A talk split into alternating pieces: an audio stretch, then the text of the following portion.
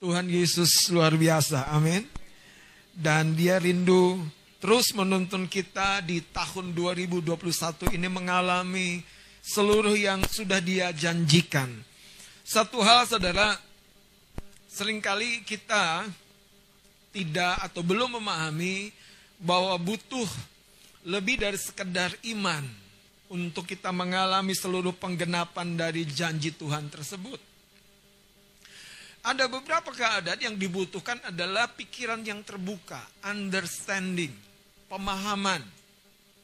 Karena saudara sekalipun kita percaya Tuhan pasti menyembuhkan kita, kita butuh melewati masa-masa krisis. Masa-masa sepertinya Tuhan tidak kita jumpai dalam kemelut kita dan kita tergoda untuk mencari jalan-jalan yang lain.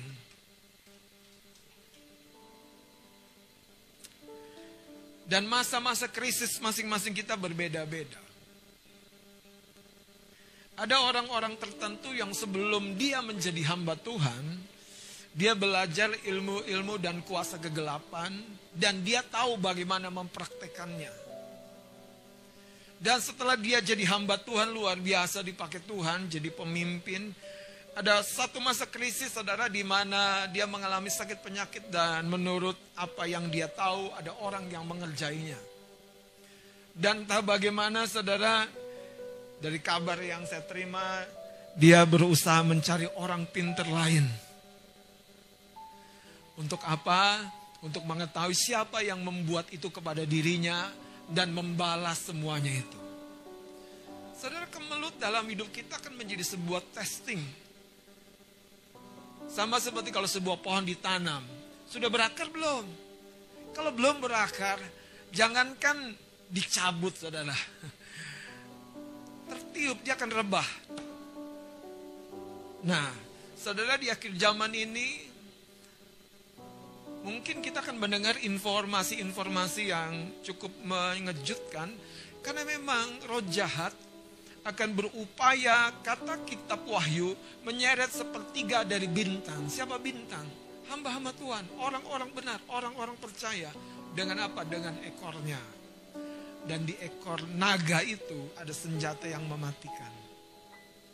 Tapi saya berdoa, semua kita akan menerima hikmat. Amin. Ya. Makanya sebuah pengalaman yang luar biasa dari cerita Yusuf ya. Yusuf ada tujuh tahun masa kelimpahan. Tujuh tahun masa kelimpahan. Itu bukan satu tahun, bukan tujuh bulan. Tujuh tahun masa kelimpahan. Kalau membangun kekayaan, kemakmuran, kejayaan itu sudah berlimpah-limpah dan berlimpah-limpah. Tapi yang menarik adalah Yusuf diajari oleh Tuhan untuk tidak menghabiskan semua hasil panen yang didapat di tanah Mesir pada waktu dia ditunjuk jadi apa? Menko Equin mungkin selevel itu. Dia mengkoordinasikan seluruh Mesir supaya setiap hasil tanam seperlimanya apa? Disimpan dalam lumbung seperlimanya, seperlimanya, seperlimanya, seperlima. Dan setelah tujuh tahun masa kelimpahan lewat, ada tujuh tahun masa kesusahan. Masa kesusahan ini testing yang paling menggoyahkan sendi-sendi kehidupan. Bagaimana dengan Indonesia? Corona masih part kedua. Kadang-kadang anak-anak tuh bertanya, Pak Pendeta boleh nggak divaksin? Lah memang kenapa ada pertanyaan itu? Itu yang penting ditanya. Kenapa Anda bertanya? Kenapa? Karena hidup hidup hidup itu unik ya. Coba gini, kita muncul ya, muncul nih. Boleh nggak makan nasi? Pertanyaannya kenapa kamu nanya boleh nggak makan nasi? Sementara di sekeliling kamu makan nasi semuanya. Nah, kecuali boleh nggak nambah.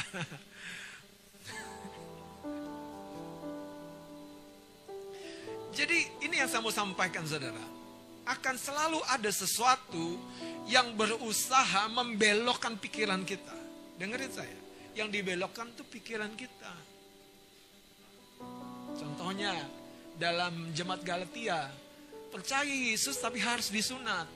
Harus lakukan beberapa ritual hukum Taurat. Paulus menentang habis-habisan, bahkan sampai dibilang celakalah kalau ada orang yang menyesatkan kamu. Iya, saudara.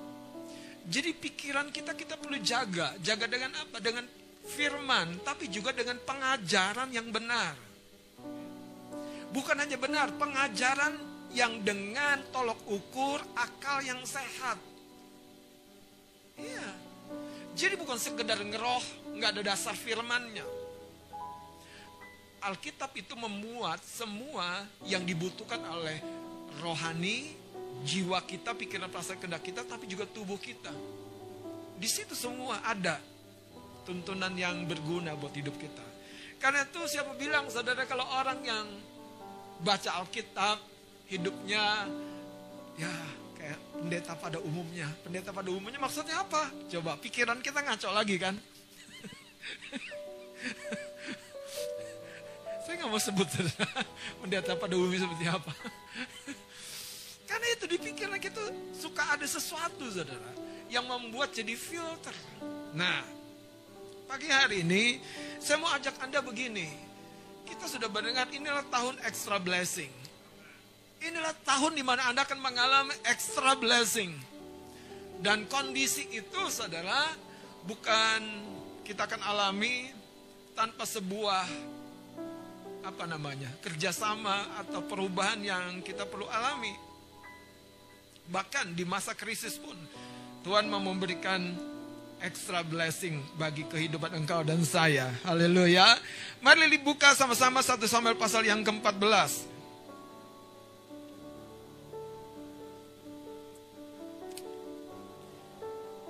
Ayat yang pertama sampai ayat yang ke-6 saya akan baca. Pada suatu hari, Yonatan bin Saul berkata kepada bujang pembawa senjatanya, mari kita menyeberang ke dekat pasukan pengawal orang Filistin yang di sebelah sana, tetapi tidak diberitahukannya hal itu kepada ayahnya. Adapun Saul duduk di ujung Gibea, di bawah pohon delima yang di Migron, dan rakyat yang ada bersama-sama dengan dia itu kira-kira 600 orang banyaknya. Ahia anak Ahitub, saudara Ikabot anak Pineas, Pinehas anak Eli, imam Tuhan di Silo, dialah yang memakai baju efod pada waktu itu. Tetapi rakyat tidak tahu tentang perginya Yonatan. Saudara cerita ini didahului dengan pasal 13 di mana terjadi sebuah keadaan yang sangat sukar bagi bangsa Israel. Kenapa? Karena tidak ada pandai besi, tidak ada satupun. Jadi semua orang kalau mau mengasah mata bajaknya, pisaunya, kampaknya, beliungnya, pedangnya untuk berperang, itu harus justru ke pihak musuh ke bangsa Filistin. Saudara tahu, pikiran kita itu senjata kita. Kalau Anda tidak tajamkan pikiran Anda, roh jahat dapat dengan mudah apa memperdaya kita. Nanti kita akan lihat saudara. Cerita ini menarik. Lanjut ya. Yonatan masih punya pedang. Dan dia bersama dengan bujangnya atau asistennya. Dia bilang, ayo kita lakukan sesuatu yang tidak dilakukan oleh ayahku dan oleh tentara pada umumnya. Ayat 4. Di antara pelintasan-pelintasan bukit yang dicoba Yonatan menyeberanginya ke arah pasukan pengawal orang Filistin, maksudnya pasukan pengawal orang Filistin gini saudara. Jadi ada tentara yang besar, tapi ada apa namanya? Tentara jaga yang patroli. Tentara jaga yang menjaga uh, base mereka, markas mereka. Nah, pasukan tentara pengawal. Nah, itu dikatakan. Jadi, Yonatan bersama bujang membawa senjatanya lagi cari-cari cara untuk menyeberang, mendekati. Ada cuma satu pedang. Lihat lagi ya, ayat 5 langsung. Ujung yang satu berdiri di sebelah utara, ditentangkan Mikmas, yang lain di sebelah selatan di Gibea. Ayat 6-nya ini menarik. Berkatalah Yonatan kepada bujang pembawa senjatanya itu. Mari kita menyeberang ke dekat pasukan pengawal orang-orang yang tidak bersunat ini. Mungkin, mungkin. Yonatan itu tidak seperti Daud. Dapat hikmat, dapat suara Tuhan, dekat sama Nabi Samuel, dan ada pesan Tuhan. Yonatan belajar membangun pikiran-pikiran positifnya di atas dasar firman. Nih, saudara. Yonatan belajar membangun pikiran-pikiran positifnya bukan di atas hikmat manusia, bukan di atas filsafat dunia, tapi di atas dasar firman. Makanya begini dia bilang, mungkin Tuhan akan apa? Bertindak untuk kita. Sebab ini prinsipnya, bagi Tuhan tidak sukar untuk menolong, baik dengan banyak orang maupun dengan sedikit orang. Dan kita tahu cerita berikutnya terjadi pertempuran yang unik, saudara. Sederhananya, satu pedang bisa mengacaukan 20 orang. Dari 20 orang membesar, meluas, sampai saudara tentara itu saling apa mengarahkan pedang kepada temannya. Saya bayangkan, saudara, itulah yang terjadi kalau orang sudah kalut. Itulah yang terjadi waktu kita, saudara, mengalami sebuah keadaan di mana pikiran kita tuh buntu. Kita lihat segala sesuatu itu sebagai musuh kita. Padahal saudara, pertolongan selalu ada. Nah, tapi ini poinnya. Anda harus belajar menjaga saudara pola berpikir Anda.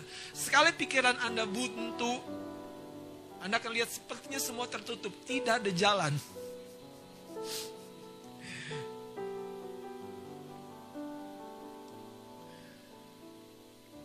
Kami pernah jualan, saya dengan istri, es buah di Pondok Cabe. Kalau yang sudah sudah ada di Duko Pondok Cabe ingat itu. Kami buka uh, gerobak es buah di depan pintu supermarket atau minimarket yang ada di perempatan Pondok Cabe itu.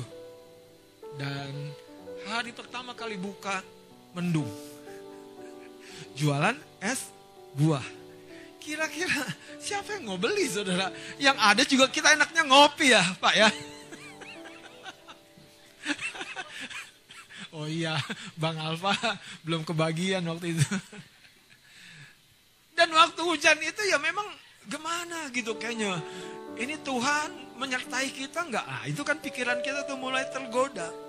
Pikiran kita mulai tergoda. Saudara, pikiran-pikiran kita ya kalau tidak di taruh kepada firman, itu namanya belum berakar.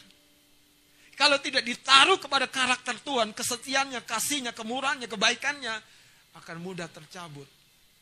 Makanya akar dari pikiran kita harus firman. Dan juga karakternya, pribadinya. Itu yang dilakukan Abraham. Abraham persembahkan Ishak satu-satunya. Abraham taat, taat saja. Kenapa dia percaya kepada karakternya Tuhan? sifatnya Tuhan, pribadinya Tuhan. Nah, waktu hujan itu ya kami gimana ya, ndak punya rencana B. Anda paham kan kalau bisnis rencana A gagal, rencana B. Ya kan, ya akhirnya ngobrol punya ngobrol ya udah kita bikin saudara es buahnya kita bagiin kepada tetangga di komplek ruko itu. Apa? Promosi. Prinsipnya sama kan? Tak kenal maka tak? Iya. Saudara, cicipi dulu, baru pengen nambah. Baru pengen beli, ya kan?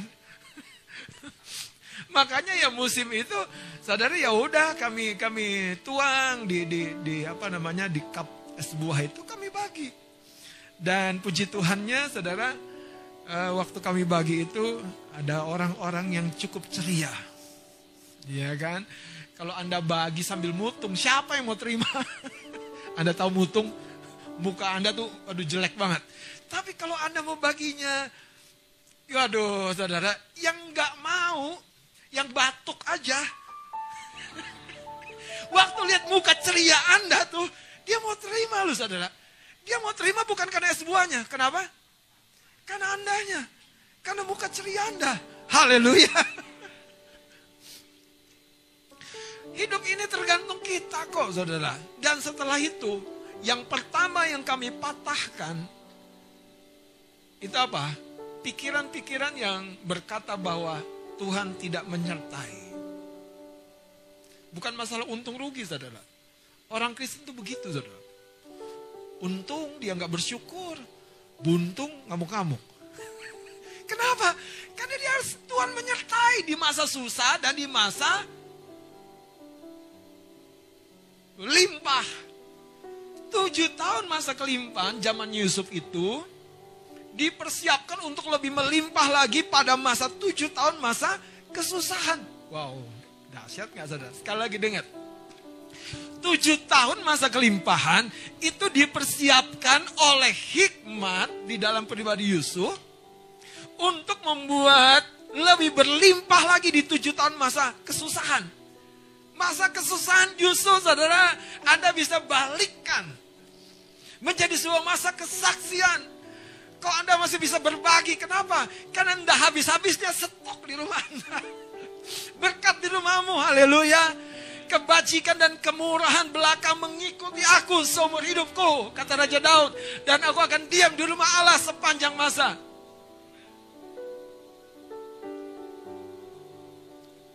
Orang bilang duitnya nggak ada serinya. Serinya bukan Bank Indonesia. Haleluya. Lihat ayat 6-nya pikiran kita itu bisa problem, saudara.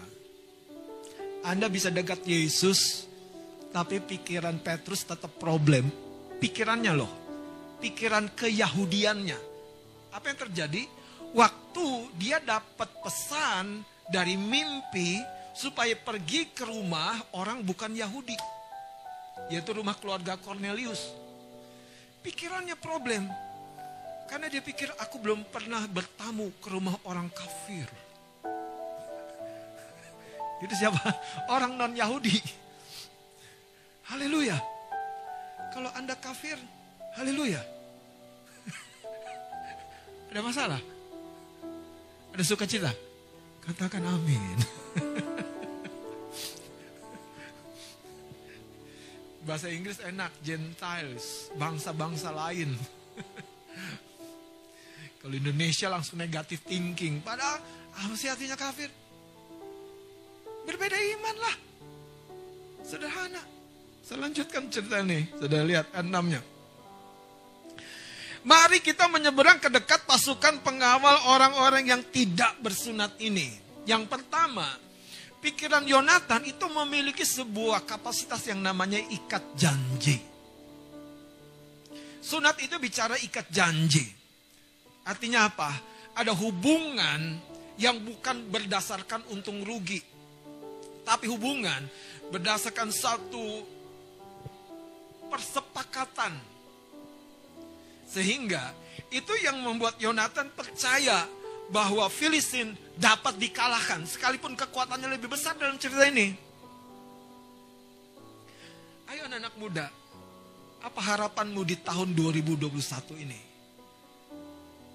Hah? Peluk guling di rumah? Menghitung hari? Hah? Belanjanya cuma masker? Stok masker? Halo? Hah? Haleluya. Anda bisa lebih daripada itu, katakan amin. Anda bisa berbuat sesuatu yang berbeda, haleluya. Anda bisa menumbuhkan bisnis-bisnis yang belum pernah terfikir bahkan. Bisa, bisa, bisa.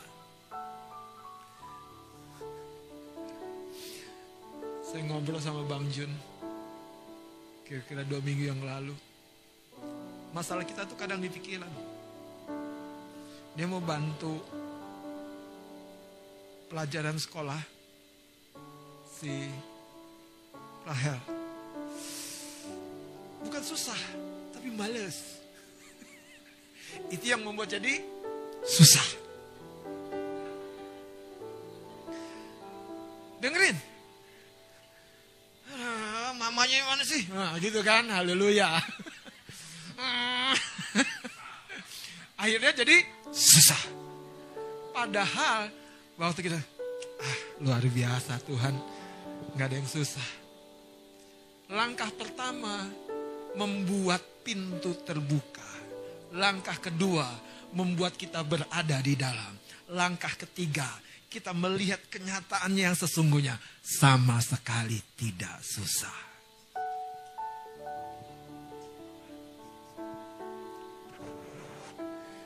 Cerita kesaksian, waktu Bang Jun mulai belajar, iya, kendalinya di mana?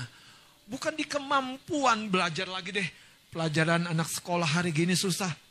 Masalahnya kita kadang-kadang selalu bilang gini, aku gaptek. Nah jadilah seperti imanmu. Jadi, halo ibu-ibu, bapak-bapak. Kalau anda makin sering bilang gaptek. Loh yang bikin anda gaptek siapa? Tuhan.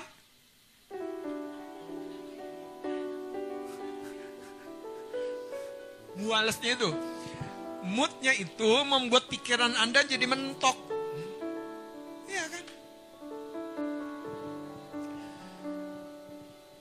Saya ingat sekian tahun yang lalu ada pelayanan di Ciputat.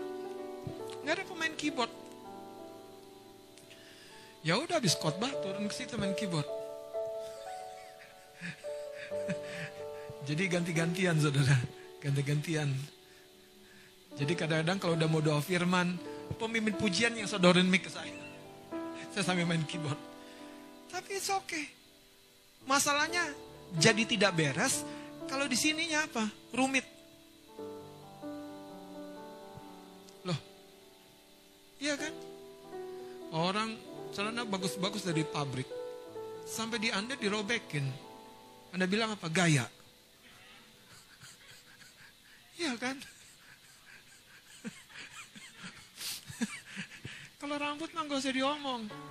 Udah lurus, dibelokin, udah belok, dilurus-lurusin. Haleluya.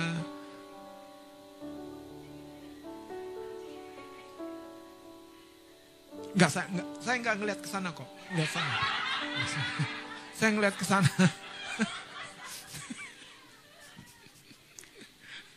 Muka Pak Pendeta ke sono. Sudah pikiran kita yang rumit itu, gini dengerin saya, dengerin saya. Itu nggak sekali dua kali Anda harus perangi. Dan itu akan selalu mendatangkan konflik di pintu gerbang. Waktu pikiran Anda, Anda break. Anda lihat, kemungkinan akan terjadi. Ini ceritanya. Coba lihat saudara. Mari kita menyeberang ke dekat pasukan pengawal orang-orang yang tidak bersunat ini. Lihat pikiran yang pertama. Mungkin Tuhan akan bertindak untuk kita. Kedua, sebab bagi Tuhan tidak sukar untuk menolong baik dengan banyak orang maupun dengan jadi ini pikiran-pikiran yang simpel. Bagaimana dengan hidupanmu hari-hari ini? Kalau Anda tidak memperhatikan bagaimana kesehatan jiwa, pikiran, perasaan Anda akan mulai terkunci.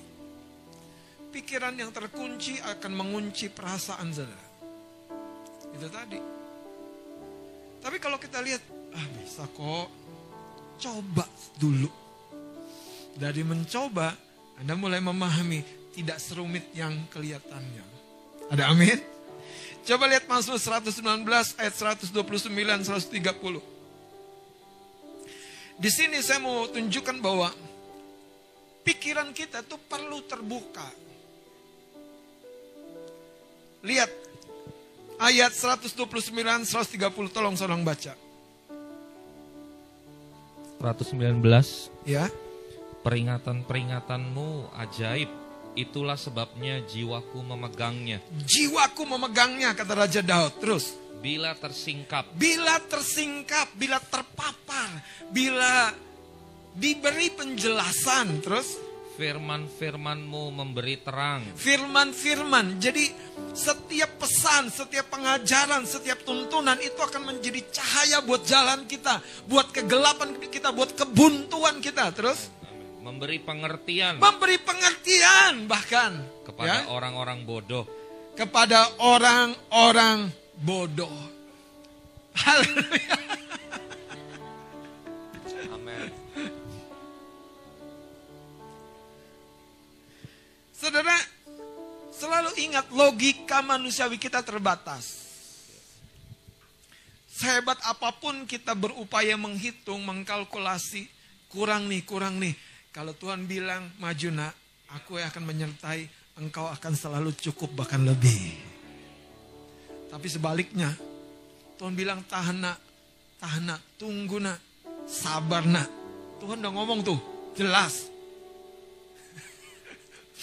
Tapi kita begitu yakinnya, kita bisa, kita akan taklukan, kita mampu, kita bisa. Yang terjadi apa saudara? Kedodoran. Kenapa? Karena tidak berimbangan antara keyakinan dengan pikiran yang terbuka. Nah, sekarang buka Lukas pasal 24. Ayat 45, saya cepat-cepat saja ya. Ayat 45, tolong bacakan lagi. Lukas 24 ayat 45. Lalu ia membuka pikiran Siapa ia ini? mereka. Siapa? Yesus. Cerita ini apa? Setelah Yesus bangkit, heboh kan? Murid-murid, beberapa orang bilang, guru sudah bangkit, guru sudah bangkit. Tapi ada dua orang murid yang tidak percaya. Tidak percaya. Dan orang sudah menyaksikan, guru bangkit. Tapi dua orang ini salah satunya Kleopas. Enggak. Enggak. Enggak percaya. Apa yang terjadi? Kleopas pulang kampung ke Emmaus.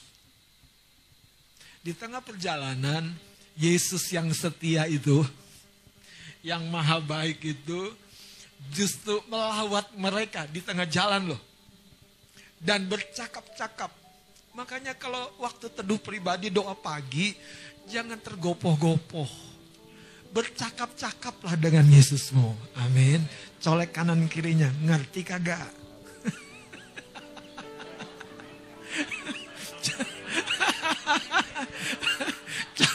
Ngerti kagak? Coba yang di rumah colek, ngerti kagak? Jadi kalau sembahyang pagi itu, saudara jangan laporan. Terima kasih Tuhan kau sudah jaga sepanjang malam. Dan hari ini Tuhan aku punya proyek ini Tuhan. Aku mau mengelek empat orang Tuhan. Berkati aku Tuhan.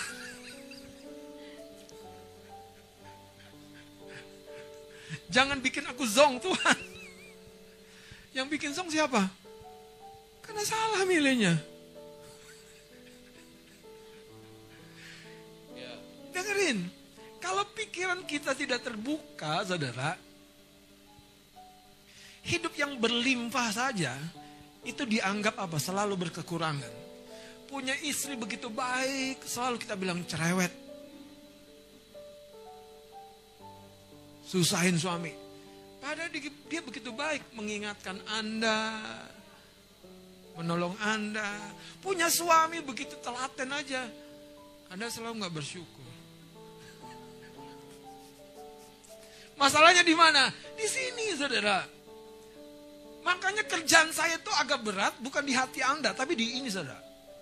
Prosesor kita tuh harus gitu, saudara. Waktu dengar firman itu ajaib, yes, ajaib, amin, aku percaya. Kenapa? Di sininya saudara nggak mandek. Coba lihat, dua orang murid, Yesus khusus apa datang kepada mereka bukan tumpang tangan. Bukan apa? Bukan pengurapan. Apa? Firman itu disingkap, dibuka. Dan tujuannya apa? Supaya kebuntuan pikiran mereka itu dibukakan. Coba baca lagi. Lalu- Ayat ya. Ayat yang ke-45. Lalu Ya. ia membuka pikiran mereka Jadi ada pikiran yang terkunci sebelumnya. Mau Anda hidup di zaman Yesus, Anda lihat Yesus, apalagi sekarang. Bagaimana? Beresiko sekali kita. Jadi kuncinya sederhana. Mau Anda tidak lihat Yesus, tapi waktu pikiran kita terbuka, saudara. Iman kita tuh punya jalan untuk berekspresi. Iman di dalam. Tapi pikiran kita yang mengkreat tindakan-tindakan kita. Dengerin saudara. Pikiran kita yang mengkreat tindakan-tindakan kita. Sekali lagi, mau Anda percaya, tapi kalau pikiran Anda buntu, pikiran Anda stuck, Anda nggak punya jalan untuk mencapai tujuan. Yonatan dengan bujang pembawa senjatanya menganalisa ada dua penyeberangan. Betul nggak ceritanya? Satu di sebelah sini, satu di sebelah sana. Ayo kita coba. Dan mereka tidak tergopoh-gopoh. Sepakat ya, kalau waktu kita menunjukkan diri kita kepada mereka dan mereka bilang naik, aku mau hajar kalian. Sebaliknya, itulah tanda dari Tuhan. Maka kita naik dan kita maju. Tuhan akan berpihak dan berperang bagi kita. Dan terjadi saudara, orang-orang Filistin yang mengandalkan kegagahannya ini. Anda tahu makanya jangan gagah di hadapan Tuhan. Waktu orang Filistin mengandalkan kegagahan, makanya dia bilang ini, naik kalian, kami hajar kalian. Justru saudara, Yonatan dapat itu signalnya dari Tuhan. Mereka naik sebaliknya, yang aneh saudara. Mereka berdua berbelakang-belakangan. Bujangnya mengalahkan musuh di belakang. Yonatan melawan musuh di depannya. Dan 20 orang ditaklukkan. Dan tiba-tiba terjadi sebuah dampak yang lebih luas dan lebih luas lagi, lebih luas lagi, lebih luas lagi. Dimulai dari apa? Pikiran yang terbuka. Katakan pikiranmu bagaimana? Terbuka enggak? Hari ini masih ada yang susah? Masih ada yang berat? Apalagi cuma pelajaran anak kita. bang kalau kimia aku nggak bisa bang. ya tenang, tenang, tenang. Sederhana. Nah, aku cari yang bisa ya. Itu namanya pikiran terbuka, saudara. Haleluya. Iya. Loh, kenapa manajer diberkati lebih? Karena pikirannya terbuka. Manajer tuh mengelola, memanage. Nggak perlu dia nyapu, dia mengkoordinir. Siapa Aisyah gak datang? Nah, panggil. Kamu besok jatah, dapat jatah tugas dua kali ya. Halo, haleluya.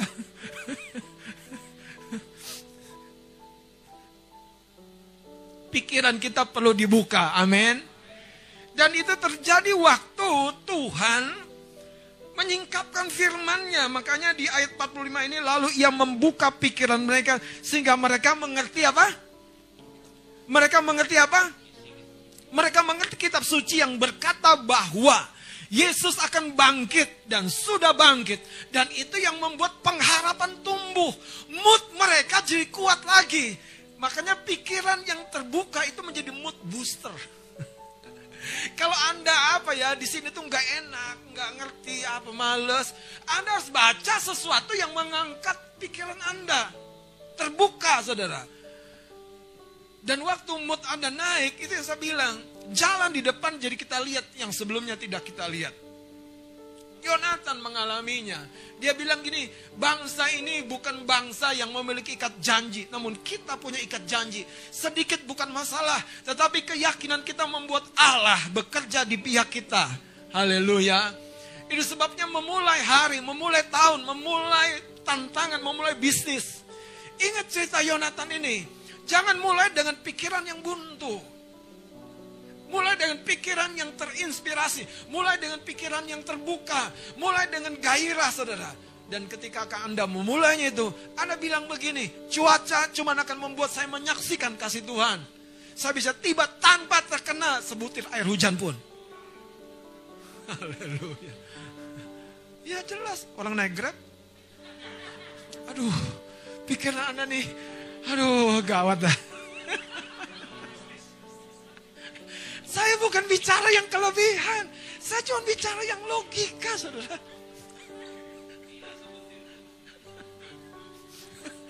Naik grab.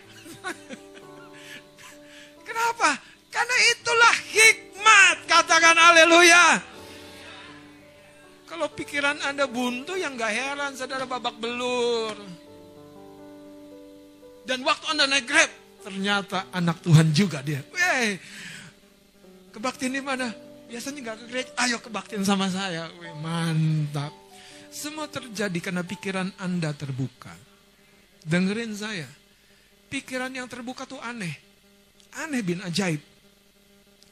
Yesus berkata begini, Petrus mancing di danau. Ikan yang kamu dapat, di mulutnya ada uang. Dalam sejarah hidup Petrus, nggak pernah dapat uang dari mulut ikan. Dapat eh dapat uang itu dari dari jualan ikan. Haleluya. Amin. Anda mungkin bekerja, Anda mungkin melayani, tapi Anda dibayar oleh orang yang berbeda. Saya nggak pernah lupa, saudara. Tentu ajaib. Kakak diundang khotbah di sebuah perusahaan. Pagi itu ternyata perusahaan itu ada ada eh, pengiriman. Jadi karyawan di yang biasanya ibadah nggak terlalu banyak sih, mungkin kira-kira 10 orang batal. Dan diinfo lah, Bu Pendeta, maaf kami nggak jadi kebaktian. Ya udah selesai. Berapa hari kemudian pemimpin perusahaan itu bilang sama asisten, tolong telepon Ibu Foni, tanya nomor rekeningnya. Anda tahu kan? Arahnya? Jangan pura-pura nggak tahu. Kirim berkat ke dia. Apa yang ibu ini bilang? Bayangkanlah kalau ibu Foni udah nolak undangan di tempat lain. Pada istri saya cerita, boro-boro diundang tempat lain. Tapi cerita itu membuktikan bahwa Tuhan sanggup memberkati Anda sekalipun Anda tidak berkarya, namun iman percaya Anda membuat semuanya terjadi. Tuhan undang lagi dong, tapi batalin. Wah, namanya lain. Itu malas kerja. Masih mau? Ternyata ibadah offline lagi online lagi gitu. Dan waktu itu terjadi kami pun juga baru sadar Tuhan bisa membuat yang tidak bisa dalam pemikiran kita terjadi. Makanya jangan pernah izinkan kita jadi seorang yang tertunduk lesu tidak berdaya melihat hari-hari ini saudara. Kenapa? Alkitab yang bilang bangkitlah sebab terangmu datang. Ternyata apa? Kegelapan menutupi dan kegelapan menutupi bangsa-bangsa tapi terang Tuhan terbit atasmu. Supaya orang datang kepada terang yang terbit atasmu itu. Saudara, saya mau ajak Anda lebih dalam lagi. Apa yang sebetulnya Yesus lakukan adalah dia sedang menyingkapkan. Nah inilah yang namanya firman yang rema. Jadi firman yang rema itu bukan sekedar firman yang kita mengerti. Tapi firman yang tersingkap buat kita. Dan firman rema itu selalu menjadi seperti pedang yang membekali kita dalam peperangan itu saudara. Dan itu selalu menjadi pedang yang tepat dan efektif. Apa yang muncul di dalam diri kita, sering kali logika manusiawi kita, kita akan bilang nggak bisa, bukan waktunya, nanti, tunggu dulu, dan akhirnya kesempatan lewat. Tapi Yonatan tahu, justru ketika tidak ada senjata, ini waktunya kita melihat penyertaan Tuhan yang ajaib.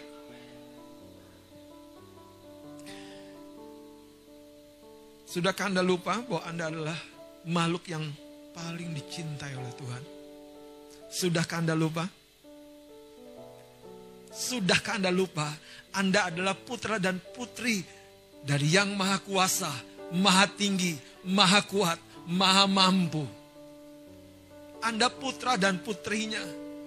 Masalahnya keyakinan kita itu yang berusaha apa? Dibelokkan oleh setan melalui pengertian yang salah. Saudara, waktu Yonatan maju, sekalipun segala satunya masih teori kemungkinan, tapi mengandalkan Tuhan, di situlah iman diaktifkan. Haleluya, amin. Alkitab yang berkata iman timbul dari mana?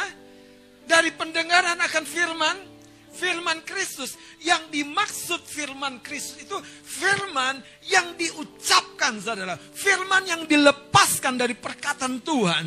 Yang merupakan jawaban bagi kondisimu hari-hari ini. Makanya pemain pujian tadi cerita kan. Mata air pahit, lemparin kayu doang. Jadi muanis hidupmu belum berakhir. Kalau Sarah waktu itu berkata kepada suaminya, lihat Tuhan tidak memberikan aku melahirkan. Saudara belum tahu bahwa buku kehidupannya masih panjang saudara. Hari ini dengar buku kehidupanmu masih dan sedang dan terus ditulis dengan cerita-cerita yang baru. Itu sebabnya Yonatan mengerti bahwa hidupku bukan berhenti di sini. Sekalipun tidak ada pedang, dia maju berperang. Saya berdoa hari ini, Anda harus tahu, dimensi roh ini menunggu saudara. Orang-orang yang mempercayai sesuatu dan dia bergerak seirama. Dan iman itu membuat apa yang Tuhan sediakan buat engkau dan saya di alam rohani ini dinyatakan. Coba kita lihat dalam Efesus pasal yang pertama.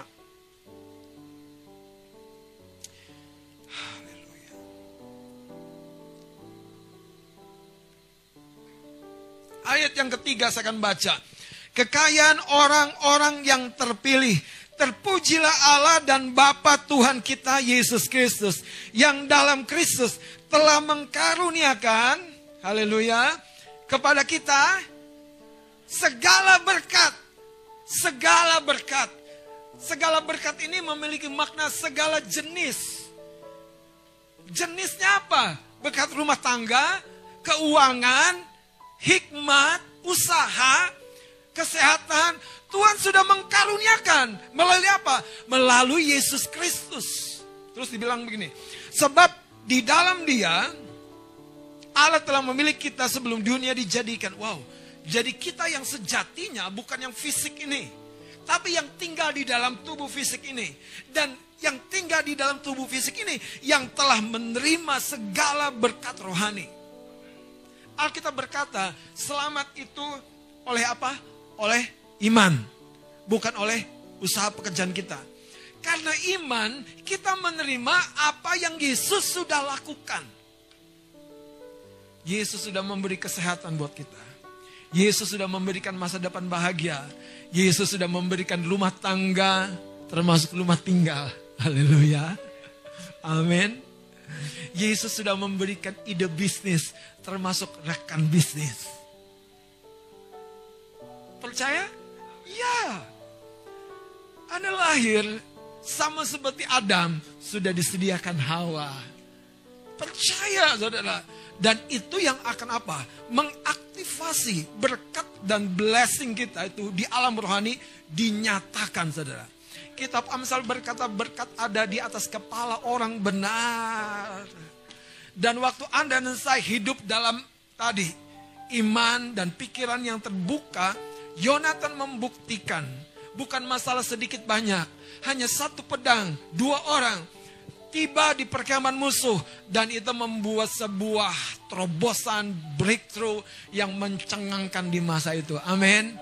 Anda siap mengalaminya juga? Mari kita bangkit. Tuhan itu belum selesai berkarya dalam hidup kita. Dia belum selesai, dia belum selesai. Dia masih ingin membuat tanda-tanda ajaib di dalam dan melalui hidup kita.